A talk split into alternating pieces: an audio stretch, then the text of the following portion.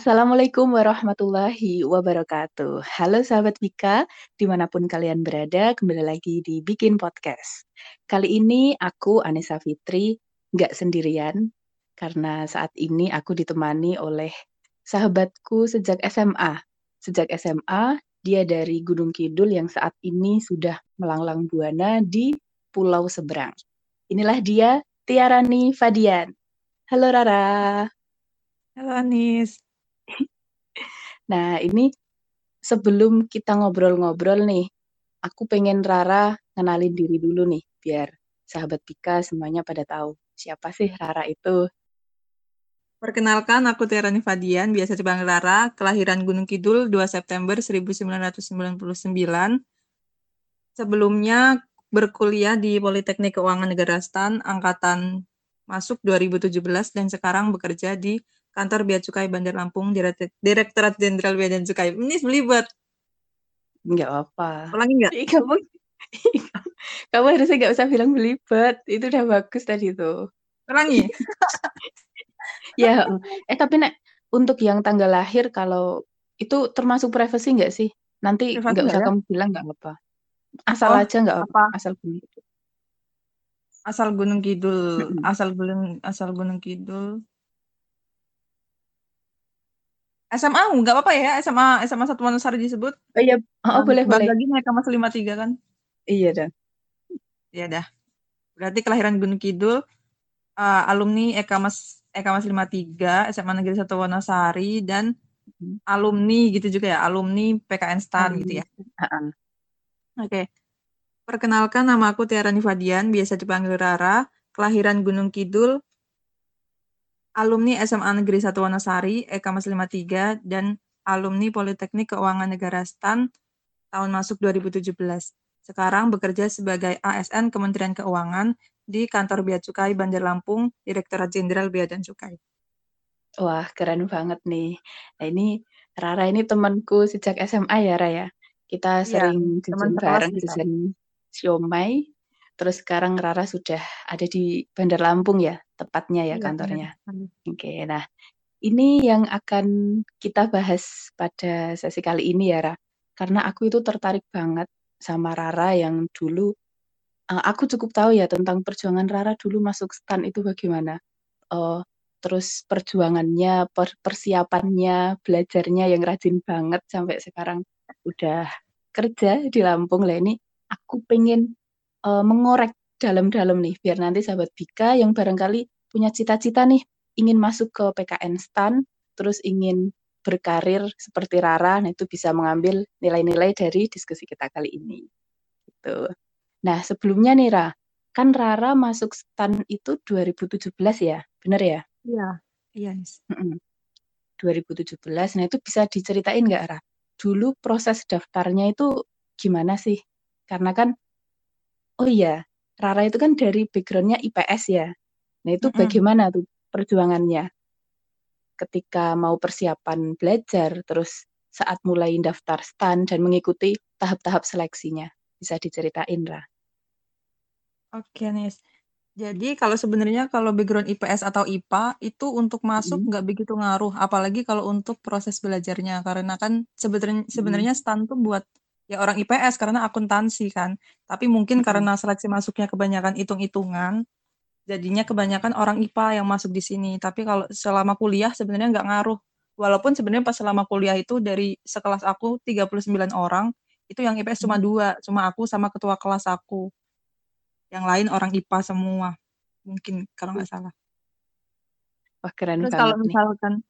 masuknya itu -hmm pengumuman sekitar bulan Februari, awal-awal Februari minggu pertama. Itu ada pengumuman di website pknstan.ac.id itu mengenai pembukaan program studi D1, D3, dan D4. Ada 10 program studi. Disebutin nggak hmm. sih? Nggak usah lah ya. Eh, sebutin lah ya. Hmm. Nggak apa ya. Iya, sebutin sedikit lah. Bisa. Ya. Tiga atau salah empat dari total. Oke. Okay. Ada 10 prodi, D1, D3, dan D4. D1-nya ada kebendaharaan negara, kepabeanan hmm. dan cukai dan pajak. D3-nya ada akuntansi, kebendaharaan negara, kepabeanan dan cukai, manajemen aset, pajak dan pajak bumi dan bangunan atau penilai sama D4 akuntansi. Oke, dan Rara milih D1 Bea Cukai ya? Mm-mm, sebenarnya kalau zaman aku 2017 itu dari 10 prodi itu dipilih semua prioritas 1 sampai 10. Kalau untuk cewek 1 sampai 9 karena untuk cowok aja yang D3 kepabianan dan cukai. Dan mm. kalau aku waktu itu sih karena nggak tahu bea cukai itu apa, taunya waktu selama kuliah. Jadi nggak kupilih sebenarnya, hampir nggak kupilih karena kan aku minus ya Nis ya kan minusnya hampir hmm uh, minimal kan dua setengah maksimal ding maksimal dua setengah terus aku minus tuh udah dua jadi kayak denger denger semi militer apalagi aku kan gak suka upacara gak suka baris berbaris jadi ku taruh di pilihan terakhir malah jurusan kepabeanan dan cukai itu punya syarat tersendiri hmm. yaitu nggak boleh minus lebih dari dua setengah sama nggak boleh buta hmm. warna dan lebih uh, diutamakan untuk kesehatan secara fisiknya dan bugar jadinya karena aku minus dua jadi aku taruh di pilihan terakhir malah pilihan awal-awal tuh acak sih aku milihnya kayak D3 pajak hmm. terus D1 pajak D3 akun D1 akun eh nggak ada ding D1 akun salahkan aku D3 hmm. pajak terus D3 akun D1 pajak terus baru yang kependaraan manajemen aset pajak penilai baru yang terakhir itu aku taruhnya D1 kepabeanan cukai dan keterimanya yang di situ gitu wah berarti emang jalan Allah tuh nggak ada yang tahu ya. Dan hmm. ya ternyata Rara yang ada minus pun juga bisa keterima gitu loh. Berarti maksimal dua setengah ya? Ya maksimal minus dua setengah. Terus kalau untuk perempuan tinggi badan maksimal minimal kok maksimal minimal. 155 cm untuk laki-laki minimal 165 cm. Oh oke okay, oke okay, oke. Okay. Berarti nanti untuk sahabat Vika nih yang ingin tahu informasi Gimana, Ra? Oh, ini minusnya ada dua. Oh, minusnya dua maksimal. Oh iya. Dua, dua dioptri, aku satu berarti aku kayaknya satu setengah waktu itu. Yang sekarang ini aku dua setengah, dua terus dua setengah minusnya sekarang. Dua setengah. Oh iya iya iya. Berarti memang pas sebelum pas proses daftar itu Rara minusnya satu koma lah, satu koma. Satu koma lah. Terus oke, okay, jadi masih keterima gitu. Ya dah. Hmm. Untuk sahabat Tika nih bisa langsung cek webnya ini ya Raya websitenya resmi untuk yeah. tahu persyaratannya lebih lengkap gitu. Nah yeah. itu biasanya tiap tahun itu ada perbedaan nggak sih Ra? Misalkan untuk minus tuh pas tahunmu mungkin segitu, nah tahun sekarang mungkin kayak lebih diperketat lagi gitu nggak? Kalau aku tahunnya tiap tahun itu pasti beda-beda ketentuan ya, entah dari prodi yang dibuka, dari persyaratan, dari tahapan tes gitu. Kalau dari tahunku kan ada tiga tahapan tes nih. Yang pertama tes potensi akademik sama bahasa Inggris. Yang kedua tes kesehatan dan kebugaran. Dan yang terakhir tes kompetensi dasar atau kayak sejenis tes CPNS gitu. Tahun sebelumnya, tahun 2016, itu tes kompetensi dasarnya di akhir. Terus kalau tahun setelahku, 2018, tahun sebelumnya 2016 itu tes TKD-nya di akhir, di tahapan setelah dia pendidikan selama setahun atau tiga tahun. Empat tahun mungkin kalau ada Terus selanjutnya 2018 itu nggak ada tes kesehatan atau kebugaran untuk selain bea cukai. Jadi uh, hanya untuk bea cukai aja yang dia harus tes lari keliling lapangan, terus membentuk angka 8, terus tes tensi, tes parises, tes gitu-gitu. Oh Ada iya berarti. ketentuan umum kayak bea cukai itu nggak boleh minus 2, 165 untuk cowok, 155 untuk cewek, tidak boleh buta warna, boleh catat cacat badan, itu kayaknya tetap sama di tiap tahunnya. Kalau selama di D1 atau D3 bea cukai masih ada. Oh, oke oke. Berarti lebih ke perbedaannya itu tesnya gitu ya, waktu tesnya. Hmm. Sama jumlah kuota mungkin ya, karena kan kita di instansi kan memikirkan kebutuhan pegawai di saat pegawai yang baru masuk itu nanti akhirnya lulus dan dipekerjakan, entah dari pensiun, dari ada yang resign, dari ada yang bermasalah atau apa, atau dari segi kebutuhan jabatan tertentu gitu. Jadinya kebetulan nih yang tahun aku ini yang diterima 6.900-an. Cukup banyak jadinya ya peluangnya juga lebih besar dibanding tahun-tahun akhir-akhir ini. Yang tahun ini nih 200 kalau nggak salah nggak sampai 300, 265 atau 275 gitu. Dan Wah. hanya yang empat akuntansi aja di seluruh Indonesia. Kayaknya 275, yang 10 itu khusus untuk uh, afirmasi yang Papua. Ada kuota. Wah, berarti dipangkas banyak banget ya itu ya? Dari Bang. tahunnya Rara ke tahun setelahnya. Iya, bahkan 2020 itu udah ada pembukaan hmm. Barengan sama Covid. Kalau isu-isu hmm. itu karena ini, karena apa ya istilahnya tuh kayak Kementerian Keuangan tuh uh, selama empat tahun itu apa ya? Aku lupa istilahnya pokoknya nggak menerima yang masuk gitu. Bahkan di tiga khusus untuk lanjut stan di tiga tugas belajar itu pun juga nggak dibuka tahun lalu. Hmm, wah lah ini apa ya deg-degan ya pasti ya Raya untuk adik-adik hmm. yang udah ya, akhir karena... semester akhir SMA tuh wah, gimana nunggu-nunggu ya, gitu. ya nunggu-nunggu. Buka enggak untuk buka enggak aja belum pasti. Terus tesnya apa aja kuotanya berapa itu pasti deg-degan sih untuk adik-adik kelas 3 SMA iya sih dan ya pantas aja ya mesti kalau misalkan udah dinyatakan lulus PKN STAN itu mesti sebuah apa ya prestasi. Aku melihatnya wah ini udah bisa membanggakan orang tua nih. Karena kuliahnya itu gratis ya Raya? Benar kan? Iya gratis gratis 100% nggak dipungut. Iya, gratis. Oke termasuk untuk asrama untuk apa tempat tinggalnya? Dulu sempat ada asrama tapi karena melonjaknya hmm. yang diterima kan nggak memadai nih ada 6.900 hmm. terus tahunnya uh, teman kita Devi yang D1 pajak hmm. itu juga sekitar 7.200 kalau nggak salah di tahun 2018 masuknya. Itu jadinya nggak ada asrama jadi ngekos di situ. Biaya kosnya tapi biaya kosnya range-nya sekitar 7 sampai 12 juta untuk harga kos. Harga karena kos banyak yang butuh ngekos itu kalau untuk asrama. Okay, Tapi iya, tahun ini karena jumlahnya sedikit diasramakan walaupun masih COVID ini mungkin masih online kuliahnya nih. Tapi udah oh, ada asrama iya, iya. Oke, berarti asrama tetap ada gitu ya. Tapi yang nggak menutup kemungkinan ngekos ya. juga.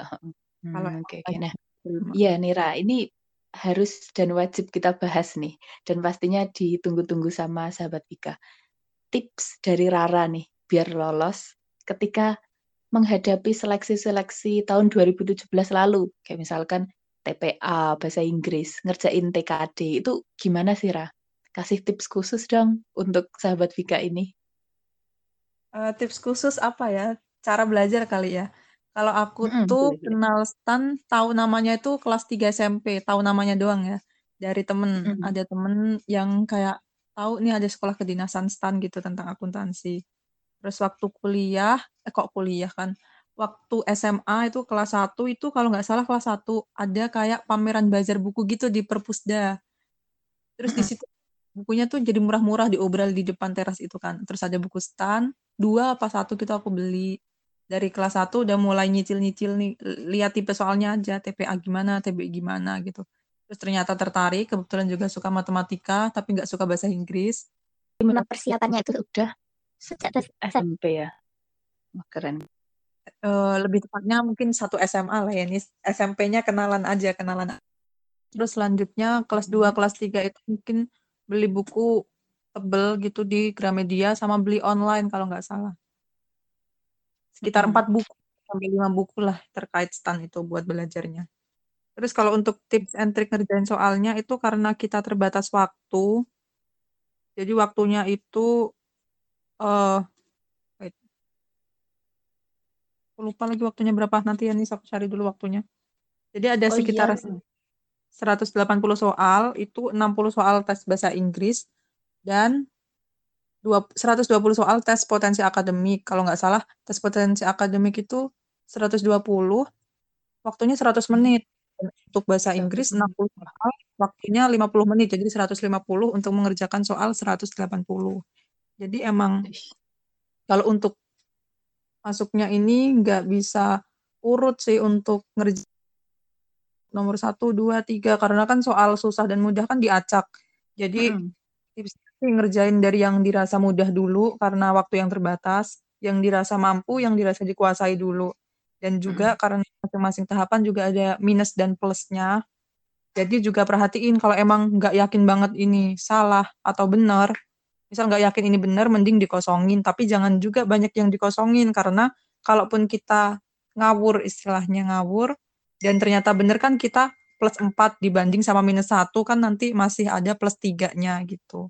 Jadi emang perhitungannya harus selalu kalau ngerjain soal, latihan ngerjain soal itu pakai alokasi waktu dan juga merhatiin kira-kira kalau aku ngerjain soal segini dan segini salah, segini benar, poinku berapa ya gitu. Karena selain juga banyak-banyakan soal yang benar juga banyak-banyakan skor tertinggi.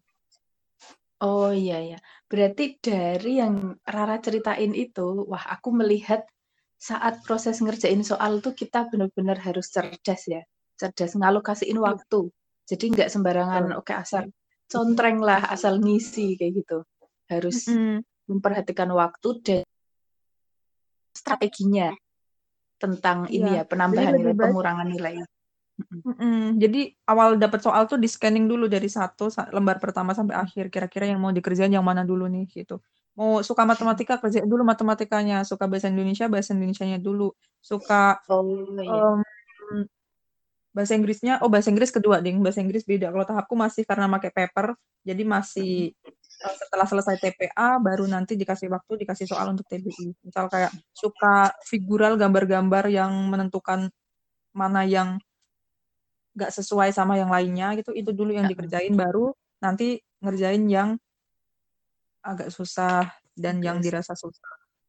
Oke oke oke ya dan itu sepertinya memang perlu dilatih terus menerus ya Raya. Soalnya hmm. itu kayaknya nggak bisa dicapai dengan instan.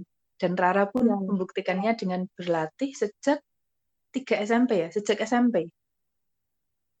Bisa dibilang 3 SMP, tapi hmm kenalnya ya, kenal stan tuh di mana hmm. sih, stan tuh jurusannya apa aja, nanti habis kerja ke mana gitu. Kalau untuk mulai belajarnya mungkin satu SMA mesti mulainya. Oh, satu SMA. Oh iya. Jadi benar-benar tiga tahun SMA itu kan sebenarnya kan krusial yang menentukan masa depan kita kan. Jadi emang harus serius. Main nggak apa-apa, tapi juga harus balance sama belajarnya karena nggak bisa diulang masa muda kan. Wah ini quotes of the day nih. Jadi oke okay, main-main boleh masa muda ya mesti menikmati nggak apa-apa gitu. Tapi jangan lupa rencanakan masa depan kita gitu dan ya, mesti untuk meraih itu ya harus ada yang diinvestasiin ya Raya. Mungkin hmm, waktu main harus korbanin waktu, waktu oh, main. Oh, waktu foya-foya lah nongkrong kayak gitu. Keren deh. Nah, terus setelah Rara udah mulai masuk nih, masuk ke STAN, menjalani hmm. kuliah satu tahun ya karena milih D1 Bea Cukai. Ya. Tantangan tantangan yang menurut Rara, wah ini berat banget dan itu kayak Rara rasain hanya ada di STAN nih. Itu apa, hmm. Tantangan sebenarnya cukup kaget. Pertama, pertama kali ngerantau karena uh, asli Gunung Kidul banget kan, tulen banget kan Gunung Kidul.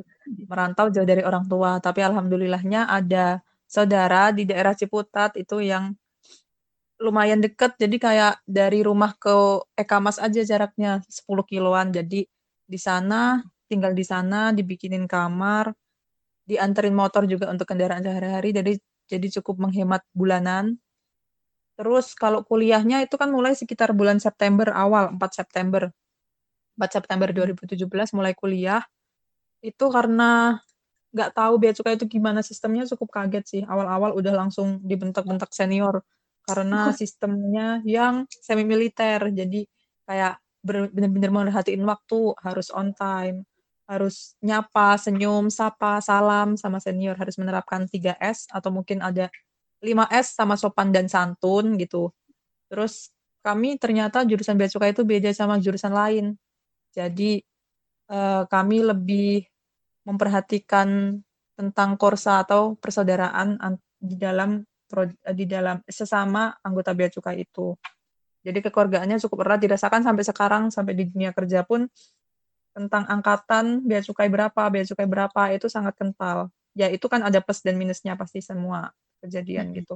Terus kalau selama kuliahnya itu disiplin disiplin nggak boleh nyontek bener-bener nggak boleh karena konsekuensinya harus do dan juga nggak boleh nginjek rumput nggak boleh nyebur kolam kan ada tuh kolam stand yang di depan itu nggak boleh nginjek eh nggak boleh masuk kolam terutama nyontek itu sih karena uh, fatal terutama untuk jurusan yang susah dicapai kayak akuntansi, akuntansi pajak itu susah dicapai kan itu biasanya karena buntu ngerasa nggak mampu gitu dengan nyontek akhirnya berujung DO.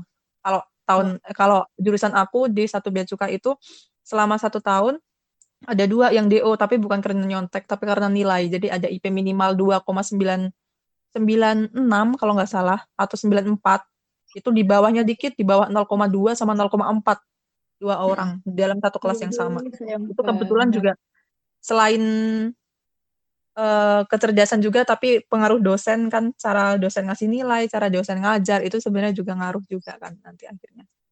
Oh, wah. Wah, ini benar-benar ini ya super super ketat, super disiplin dan memang benar-benar menempa sistem. Gak iya, kebayang ya, jadi sih. udah integritas tuh diutamakan uh -uh. di PKN kan. Setuju banget. Terutama tentang nyontek ya. Wih, benar-benar mm -hmm. konsekuensinya langsung DO. Itu benar-benar ya, dan nyontek itu kan yang... budaya. Uh -uh. Jadi harus dibiasain. Kalau emang kebiasaan nyontek akan susah menghilangkan budaya itu kan kebiasaan itu gitu. Jadi emang hmm. harus dibiasain jangan nyontek sejak SD, SMP, SMA gitu bener-bener dikurangin karena itu pun merupakan kegiatan korupsi dari tingkat yang sederhana juga kan ya Nisi. Nah, betul banget itu.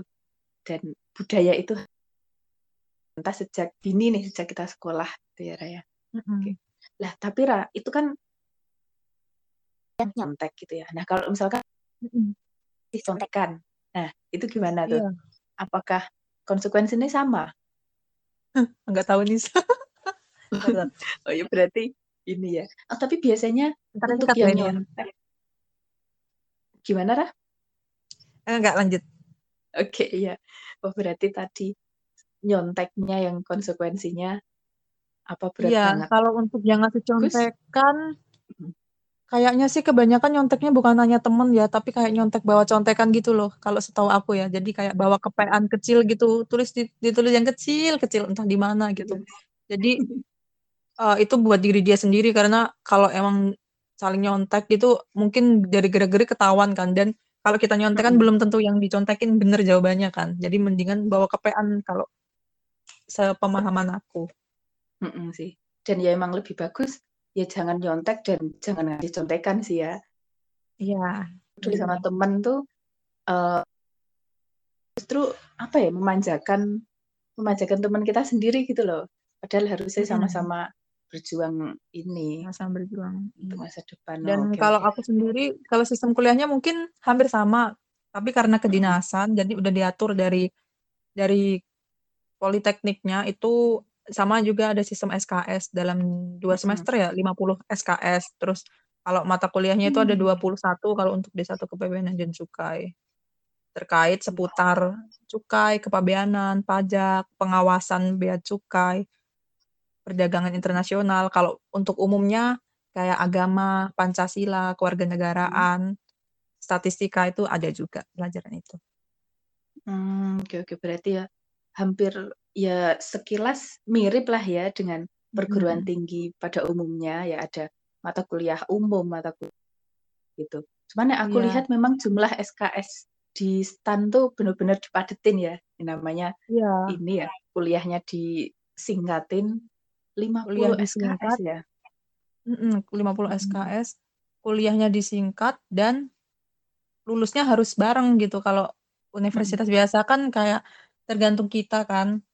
Nah, itu jadwalnya juga udah disesuaiin. Jadi udah dikasih nih untuk kelas aku gitu. Dia pagi pelajaran agama 2 SKS. Terus nanti jam sekian sampai jam sekian pelajaran identifikasi dan klasifikasi klasifikasi barang 3 SKS. Terus ada nanti teknis perbendaharaan 2 SKS gitu-gitu. Hmm, oke oke berarti memang semuanya kayak diseragamkan ya Raya? Berarti hmm, rombongan belajarnya juga sama, teman-teman uh, bisa dibilang sama. kayak SMA, udah ditentuin jadwalnya, hmm. cuma jadwalnya itu kadang misal pagi ada kelas, sore juga ada tengah bolong gitu bedanya. Hmm, oke oke, berarti tetap sama gitu seragam. Oke, nah terus setelah menjalani kuliah satu tahun nih dengan sistem yang super padat, super disiplin, dan iya. selalu mengunggulkan integritas nih dididik sejak dini. Hmm. Nah, saat proses lulus tuh Rara sebagai kan sekarang alumni ya, alumni PKN STAN. Alumni. Lulus Iya. dari STAN itu susah nggak sih? Nah, ini pertanyaan menarik nih. Masuk Iya. tuh susah, keluar susah nggak sih? Kalau aku menilainya nggak susah tapi nggak gampang, tengah-tengah sih. Hmm, ya, Karena tengah-tengah. kami untuk D1 Bea Cukai itu lebih ke sering latihan fisik, kami ada leadership training, kami ada bina fisik pagi, sore, kami ada apel pagi dan sore. Jadi mungkin dari segi materi kuliah itu lebih ringan dibanding jurusan akuntansi dan pajak. Jadi kalau orang akuntansi itu bilangnya lebih baik mata merah daripada nilai merah. Itu bisa sampai nggak tidur, bisa sampai tentiran lama sama teman-temannya karena emang mereka mengakui bahwa susah kuliahnya gitu dibanding kok enak sih jurusan bea cukai malam-malam nongkrong, teriak-teriak, nyanyi-nyanyi, yel-yel. Ya kan tiap jurusan juga beda-beda kan. Jadi kalau Iya misal sih. untuk lulusnya sih kalau dari segi akademik insya Allah bisa untuk yang tekun belajar, dengerin dosen gitu. Jadi kalau D1 itu sistemnya PKL, kebetulan aku PKL-nya di Bandara Soekarno-Hatta waktu itu. Selama kurang lebih 30 hari apa, 3 minggu itu PKL di Soekarno-Hatta. Terus presentasi PKL-nya itu sebagai istilahnya hmm, laporan akhir. Kalau D3 kan ada karya tulis, KTA. Mm-mm. Kalau S1 ya S1 lah, S2. Kalau untuk D1 itu hanya laporan PKL aja selain dari IP, terus nanti ditambah nilai PKL jadi IPK. IPK. Oh iya iya, iya. Berarti prestasi Heeh. Indeks prestasi kum- kalau untuk Rara di satu bea cukai itu eh ikut tugas akhir ya, tugas akhir kuliahnya. Mm-mm. Hmm, oke oke. Berarti ya netral ya. Jadi kalau misalnya tekun mendengarkan dosen, insya Allah terkait akademis itu bisa lah gitu. Iya, masih bisa balance sama main, nongkrong itu masih bisa. Apalagi kalau di Oke. kampus Bintaro tuh deket sama mall, Bintaro Exchange sama Bintaro Plaza. Jadi masih bisa lah nongkrong-nongkrong sambil ngobrol sama temen, main gitu masih bisa imbang. Ngobrol ya. Heeh. Pokoknya jangan lupa refreshing Benar. imbang gitu. Heeh, Kesehatan fisik liburan itu dan perlu mental. ya, ya. Nah, tadi setelah Rara udah lulus nih, alhamdulillah lulus tepat Mm-mm. waktu satu tahun. Iya. Ketika Rara sudah mulai bekerja nih, apply ke Lampung ya. Nah, itu prosesnya gimana sih, Ra? Kan TKD kan udah Rara lalui di awal kuliah ya. Bahkan Iya. pas mau tes masuk. Nah, udah nggak ada tes lagi, masuk jadi PNS gitu. Atau gimana, Ra? Iya, jadi ceritanya waktu itu PKL sekitar bulan Agustus ya. Bul- Bulan Agustus tahun 2018. Terus kami yudisium sekitar bulan Oktober. Terus ada leadership training, istilahnya itu di kantor pusat Bea Cukai di Jakarta Timur, di daerah Rawamangun. Itu sekitar dua minggu awal Desember. Jadi habis itu sekitar bulan minggu ketiga atau keempat. Pokoknya mendekati Natal. Natal itu pengumuman kami penempatan. Jadi langsung ada skep dari pusat, itu penempatan dari kami lulusan 2008 6.900 sekian orang. Itu langsung penempatan di kantor di seluruh Indonesia itu. Jadi itu emang momen deg-degan banget sih. Ada yang lagi di kereta baca pengumuman, ada yang lagi di rumah, ada yang lagi ngapain lah gitu pengumuman penempatan dan itu yang ditakut-takutin, yang dibikin deg-degan gitu karena kita nggak bisa ngontrol, kita udah step di awal sebelum masuk itu bersedia ditempatkan di seluruh wilayah Indonesia gitu. Jadi udah udah dari awal udah bersedia, jadi begitu penempatan ya harus menerima itu dan kebetulan dapat di kantor Bea Cukai di Pemadia BNB Bandar Lampung di Pelabuhan Panjang. Jadi langsung Oke. ditempatin waktu itu masuk kerja sekitar minggu keempat bulan Desember dan langsung sebagai CPNS angkatan 2018-12 dan setahun masa CPNS itu ditetapkan cap salah lagi aku lulus tahun berapa ya 2008 oh iya benar 2018 benar kok. Oh, bener ya. Jadi aku ditetapkan PNS-nya itu di 2019 bulan Desember. Dan kalau dihitung berarti Desember ini tiga tahun masa kerja, dua tahun PNS, satu tahun CPNS. Oh iya, wis memperingati udah tiga tahun ya? Udah tiga Iya. tahun punya pengalaman kerja deh. Wah berarti Baru saat tiga tahun berarti mungkin Nis ya? Betah Mhm, karena 3 tahun. Oke, berarti saat udah lulus nih, itu dari mahasiswa STAN nggak bisa ngontrol ya? Aku mau ditempatin di Kalimantan atau yang deket kampung halaman gitu bener-bener nggak bisa, Ra? Nggak bisa karena STAN kan dikenal dengan apa seleksi masuknya yang bersih ya. Jadi Mhm. dari masuknya pun juga nggak ada uang-uang apa gitu di balik itu nggak ada. Jadi semua punya kesempatan yang sama, mau dia anak pengusaha, mau dia anak Mhm. petani gitu, dia punya Mhm. kesempatan yang sama untuk kuliah. Apalagi kan ini kedinasan, sekolah gratis, jadi emang Mhm. akan lebih bermanfaat tuh kalau untuk siswa yang dia merasa kurang mampu dari segi finansial kan. Dan kalau untuk penempatan itu banyak sih rumor yang beredar tapi nggak ada patokan pastinya. Ini penempatan berdasarkan apa sih? Kok nilai aku gini, nilai aku gini, aku di sini gitu. Ada yang bilang TKD kamu kali, TKD kamu tinggi gitu. TKD tinggi penempatan yang sekitar Pulau Jawa atau home base. Terus TKD yang rendah dilempar di pulau-pulau luar. Ada yang bilang ini IPK, ini IPK kamu nih gitu. Jadi nggak ada patokan pasti. Jadi ya balik lagi ini mungkin udah takdirnya ditempatin di situ gitu. Mhm. Oke, berarti dari sekian rumor yang ya kalau misalkan udah mau masuk STAN ya berarti siap ya, bener-bener siap Mhm. ditempatin di mana gitu, udah Iya. siap mental lah sejak awal gitu. siap mental, dibikin Mhm. deg-degan gitu kan, mutasi. Tapi Mhm. ya dari segi indahnya juga bisa keliling Indonesia kan. Bisa Mhm, betul belajar banget. budayanya, bisa belajar sama orang-orangnya. Selagi masih muda Mhm. kan dimanfaatin masa mudanya. Iya, setuju banget tuh. Bisa mengeksplor inilah wilayah-wilayah Indonesia. Oke. Iya.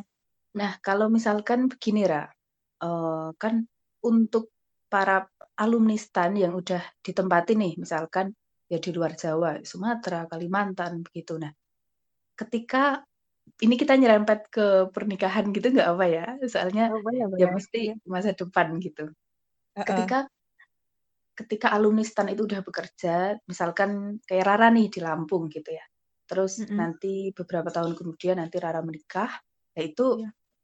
penempatannya berarti ya masih di Lampung atau mungkin kayak ada dispensasi nih untuk pindah, mungkin ikut suami, ikut keluarga, kayak gitu ada nggak sih, Ra? Kebijakan Kalau untuk gitu? pernikahan itu yang diwajibkan itu selama pendidikan reguler itu nggak boleh menikah. Jadi begitu masuk UISM STAN Mhm. setelah lulus SMA, D1, D3, D4 Mhm. selama itu nggak boleh menikah gitu. Tapi setelah lulus D1 berarti bekerja golongan 2A, D3 bekerja golongan 2C, D4 golongan 2D, eh golongan 2D apa? Duh 3A deh, 3A Mhm. setara S1. Itu nanti kalau udah mau lanjut setelah masa kerja berakhir, itu boleh menikah. Nah, banyak nih juga angkatan aku juga udah banyak yang Mhm. nikah, angkatan atas, angkatan bawah gitu. Tapi kalau untuk penempatan itu balik lagi ke kebutuhan juga, kebutuhan, terus juga kompetensinya juga.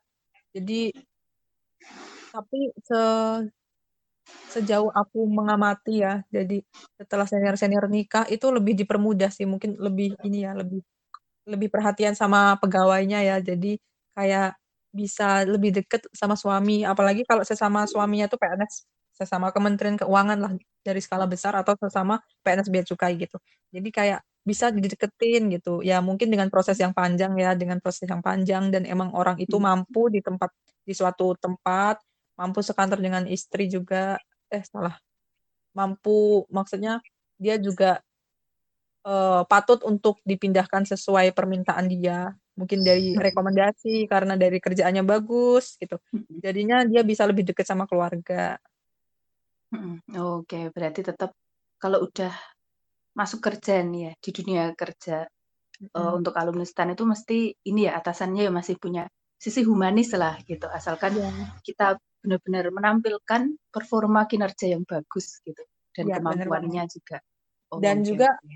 Eee, suatu saat juga bisa karena itu juga bisa aja nggak abadi ya selamanya deket sama Mhm. istri, suami terus kan ada momen suami harus promosi keluar. Promosi kan biasanya di daerah luar, promosi untuk nanti akhirnya balik lagi di pusat kota atau di Pulau Jawa itu untuk menduduki jabatan yang lebih tinggi gitu. Jadi emang kalau emang mau kalau emang mau mencapai jabatan yang tinggi gitu, ya emang harus banyak yang dikorbanin gitu. Ya, oke. Berarti kuncinya nih pokoknya pokoknya kuncinya itu harus siap jadi pejuang LDR. Iya kan, Ra? Ya, bener ya, benar. uh, jadi harus siap LDR, kalaupun itu dekat, itu berarti keberuntungan. Bukan keberuntungan siapa ya? Anugerah kali ya, kalau Anugerah. bisa deket sama keluarga. Iya, dan uh, aku menemuin tantangan kayak LDR kayak gini ya nggak cuma di stan juga ya, mungkin ya. uh, untuk yang punya pasangan polisi, nah itu biasanya ada tantangan tersendiri lah, atau mungkin profesi-profesi lain yang memang mengharuskan uh, dia itu promosi ke luar sini lah, kerja di sini, panggilan di sini, wah memang benar-benar ini yang alumni STAN nih mesti pejuang LDR banget nih. Nah, tadi terkait perkuliahan sampai kerja itu kan memang KN kan? Udah apa ya menunjukkan terus integra, integritasnya gitu. Semuanya itu punya hak yang sama semua juga punya peluang yang sama gitu. Nah yang aku mau tanya ini Ra terkait masa pensiun. Pensiun di untuk alumni stan gitu. Kan kalau misalkan untuk guru nih guru atau dosen itu kan ada apa masa pensiunnya umur sekian gitu ya. Untuk guru 60 tahun terus untuk yang dosen agak lama dikit gitu masa pensiunnya pasnya berapa tahun, berapa puluh. Itu gimana? Mungkin cara udah tahu mungkin gambaran tentang pensiunan untuk stan ini. Ini pertanyaannya sangat ini ya masa depan sekali ya. Iya, sangat visioner pertanyaannya. Aku belum tahu detail ya. Kalau setahu aku sih sama ya kayak dosen, guru gitu. Jadi ya jabatan yang lebih tinggi itu pensiunnya lebih lama gitu kan. Kalau nggak salah hmm. sih Eh, kalau nggak salah nanti coba aku koreksi lagi, kalau untuk aduh, aku takut salah ngomong sebenarnya, tapi setahu aku itu kalau untuk pelaksana sekitar umur iya. lima lima puluh berapa ya? lima puluh enam sampai aduh, nanti aja kali ya Nis, aku nggak tahu.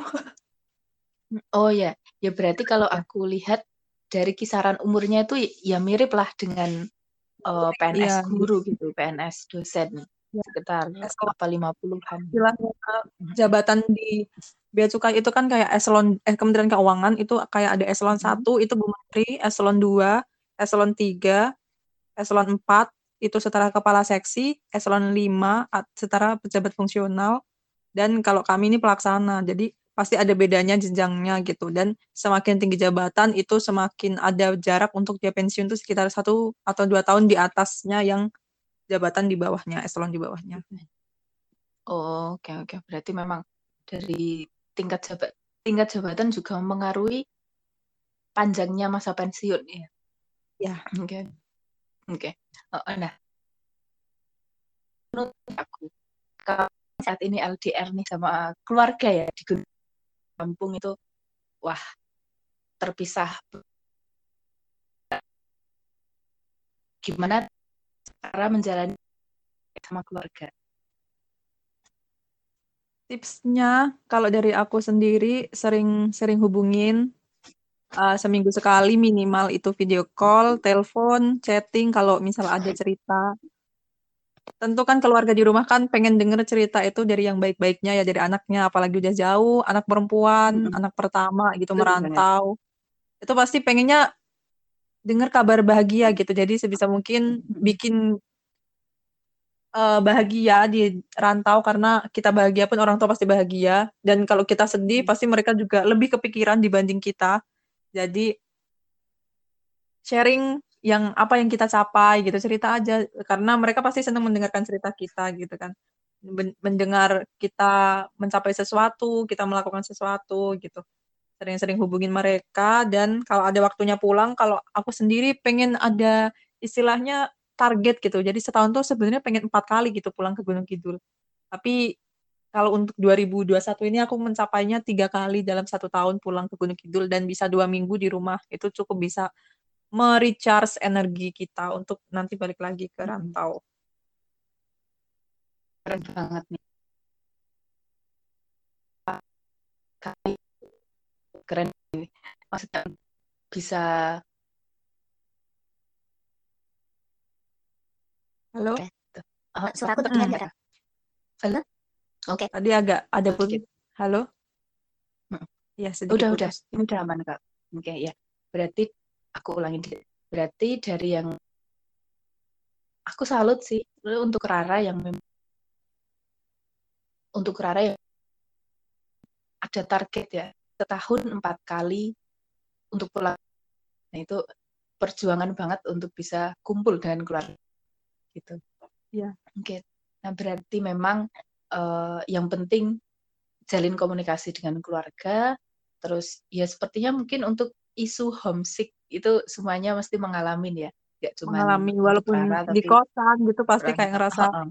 benar rasa kangen mm -mm, gitu.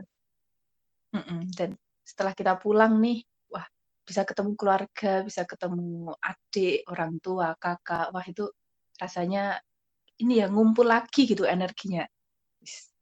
Dan mesti yeah. Rara udah berkali-kali mengalami itu karena udah tiga tahun ya LDR gitu di masa kerja yeah, di bener. Lampung. Ini makasih banyak loh Ra. Ini dari tadi nih dan kita sempat ada gangguan ya. Jadi sahabat mm -hmm. Pika tadi kita sempat ada gangguan nih di sinyal gitu. Tapi alhamdulillah dari kesempatan kali ini aku dapat banyak insight menarik dari Rara, dapat banyak ini sih nilai-nilai dan motivasi juga untuk mm -hmm. aku nih yang mungkin kadang merantau nih, tapi kadang juga pulang, apalagi juga cuman Gunung Kidul Jogja. Nah ini harus banyak bersyukur nih karena ada Rara nih yang pejuang LDR lebih lebih jauh lagi gitu. Ya, dan sebenarnya kalau sel selama kita semakin dewasa tuh semakin sadar sebenarnya kan jarak itu di cuma di mata gitu, tapi di hati masih tetap bisa dekat. Walaupun mata pun juga pengen memandang yang deket-deket juga, tapi kadang kita deket sama orang pun kita bisa merasa sangat jauh gitu karena kita hatinya nggak deket juga gitu. Jadi emang dari hatinya dulu kita deketin, kita kayak ngerasa selalu deket sama keluarga gitu. Jadi nanti begitu kita deket beneran, itu kita akan ngerasa juga ternyata ya sebegitu berharganya momen berkumpul sama keluarga di rumah. Wah, ini kata-kata motivasi yang bikin aku terharu loh ini loh. oh, keren banget nih. Ini kata penutup Rara yang jadi pamungkas nih untuk uh, apa meyakinkan ke sahabat Bika semuanya, sahabat yang dengerin bikin podcast kali ini untuk terus semangat nih, semangat mengejar mimpi dan terkait tantangan yang udah Rara sebutin tadi, itu sepertinya ini ya akan menjadi warna-warna indah untuk uh, menghiasi perjalanan hidup Rara gitu. Dan mudah-mudahan aku doain nih untuk sahabat Bika yang punya cita-cita masuk stan, terus ingin uh, mencapai karirnya seperti Kak Rara ini diberikan kemudahan. Amin. Amin. Nah, untuk sahabat Bika nih yang barangkali ingin tanya tips trik lainnya atau mungkin ada sesuatu yang belum terjawabkan dari podcast kita kali ini, kira-kira boleh ya Ra kalau mau menghubungi Rara gitu? Ya, boleh banget nanti bisa lewat mungkin Instagram atau akun Bika nanti diteruskan ke aku atau mungkin dari DM IG itu boleh banget kalau emang mau ada yang ditanyain. Bisa banget nanti DM DM. Wah, makasih banyak nih. Uh, Instagramnya Rara, akunnya? Oh iya, akunnya @rarafadian underscore. Oke, siap. Dan nanti juga di postingan Bika akan kami tag Instagramnya Rara untuk memudahkan sahabat Bika nih yang ingin tanya-tanya atau mengulik lebih dalam tentang PKN STAN dan juga karir setelahnya. Oke, nah, ya. makasih banyak ya Ra. Ini sangat-sangat bermanfaat ya percakapan pagi yang sangat-sangat bernas dan juga menginspirasi. Mudah-mudahan Rara yang ada di Lampung, yang ada di jauh di sana, senantiasa sehat selalu, terus pekerjaannya dilancarkan, diberkahi, dan mudah-mudahan bisa lekas berkumpul sama keluarga lagi. Rencananya kapan nih hmm. mau pulang ke Gunung Kidul? Untuk dalam waktu dekat? Dalam waktu dekat, insya Allah akhir Januari mau pulang nih. Karena kalau dari Desember itu dari ASN ada pelarangan cuti hmm. setelah itu uh, libur Nataru ini nggak boleh cuti, hmm. jadi kami stay. Kebetulan kemarin akhir Oktober sampai awal November udah pulang juga. Jadi selang tiga bulan nanti akhir Januari atau awal Februari itu pulang ke kampung halaman Gunung Kidul. Iya, pokoknya ditunggu akhir Januari mudah-mudahan bisa bertemu dengan keluarga, dengan teman-teman juga termasuk aku nih yang ada di Gunung Kidul. Eh, ya, semoga kita bisa ketemu ya nanti ya tahun amin. depan. Amin, amin, amin. Oke, terima kasih ya Ras sekali lagi sehat-sehat terus di Lampung dan untuk sahabat nih terima kasih udah mendengarkan obrolan aku dan juga akhir aku juga mau ngingetin ke sahabat Pika kalau untuk kalian yang ingin atau ingin menjadi narasumber nih seperti ya, Rara tadi boleh banget menghubungi at Bika Indonesia agar nanti bisa kita tindak lanjuti gitu. Boleh banget ngirim cerita misalkan ada yang suka bikin cerpen nih, ada yang suka bikin cerita eh, cerita-cerita menarik nih tentang cerita hidupnya, curhat juga boleh. Nanti bisa uh, mengirimkan podcastnya ke Bika Indonesia atau mengirimkan teksnya biar nanti dibacakan oleh tim Bika Indonesia. Dan satu lagi untuk UMKM yang sahabat Bika rintis atau mungkin kalian punya usaha apa pun mau online atau offline dan ingin bekerja sama dengan Bika Indonesia, silakan hubungi kami karena nanti kita akan bantu proses brandingnya gitu. Dan ini gratis tanpa dipungut biaya apa pun. Oke, sekali lagi sampai berjumpa lagi. Ya. Tuh, mudah-mudahan sehat selalu dan insya Allah di waktu yang tepat kita bisa bertemu lagi mudah-mudahan dengan obrolan yang lebih seru lagi dan aku tunggu cerita-cerita inspiratif Rara lainnya. Ya, sampai jumpa Rara. Selalu Bika Indonesia. Ya, ya sampai jumpa sahabat Bika di mana pun kalian berada. Aku akhiri wassalamualaikum warahmatullahi wabarakatuh. Waalaikumsalam warahmatullahi wabarakatuh.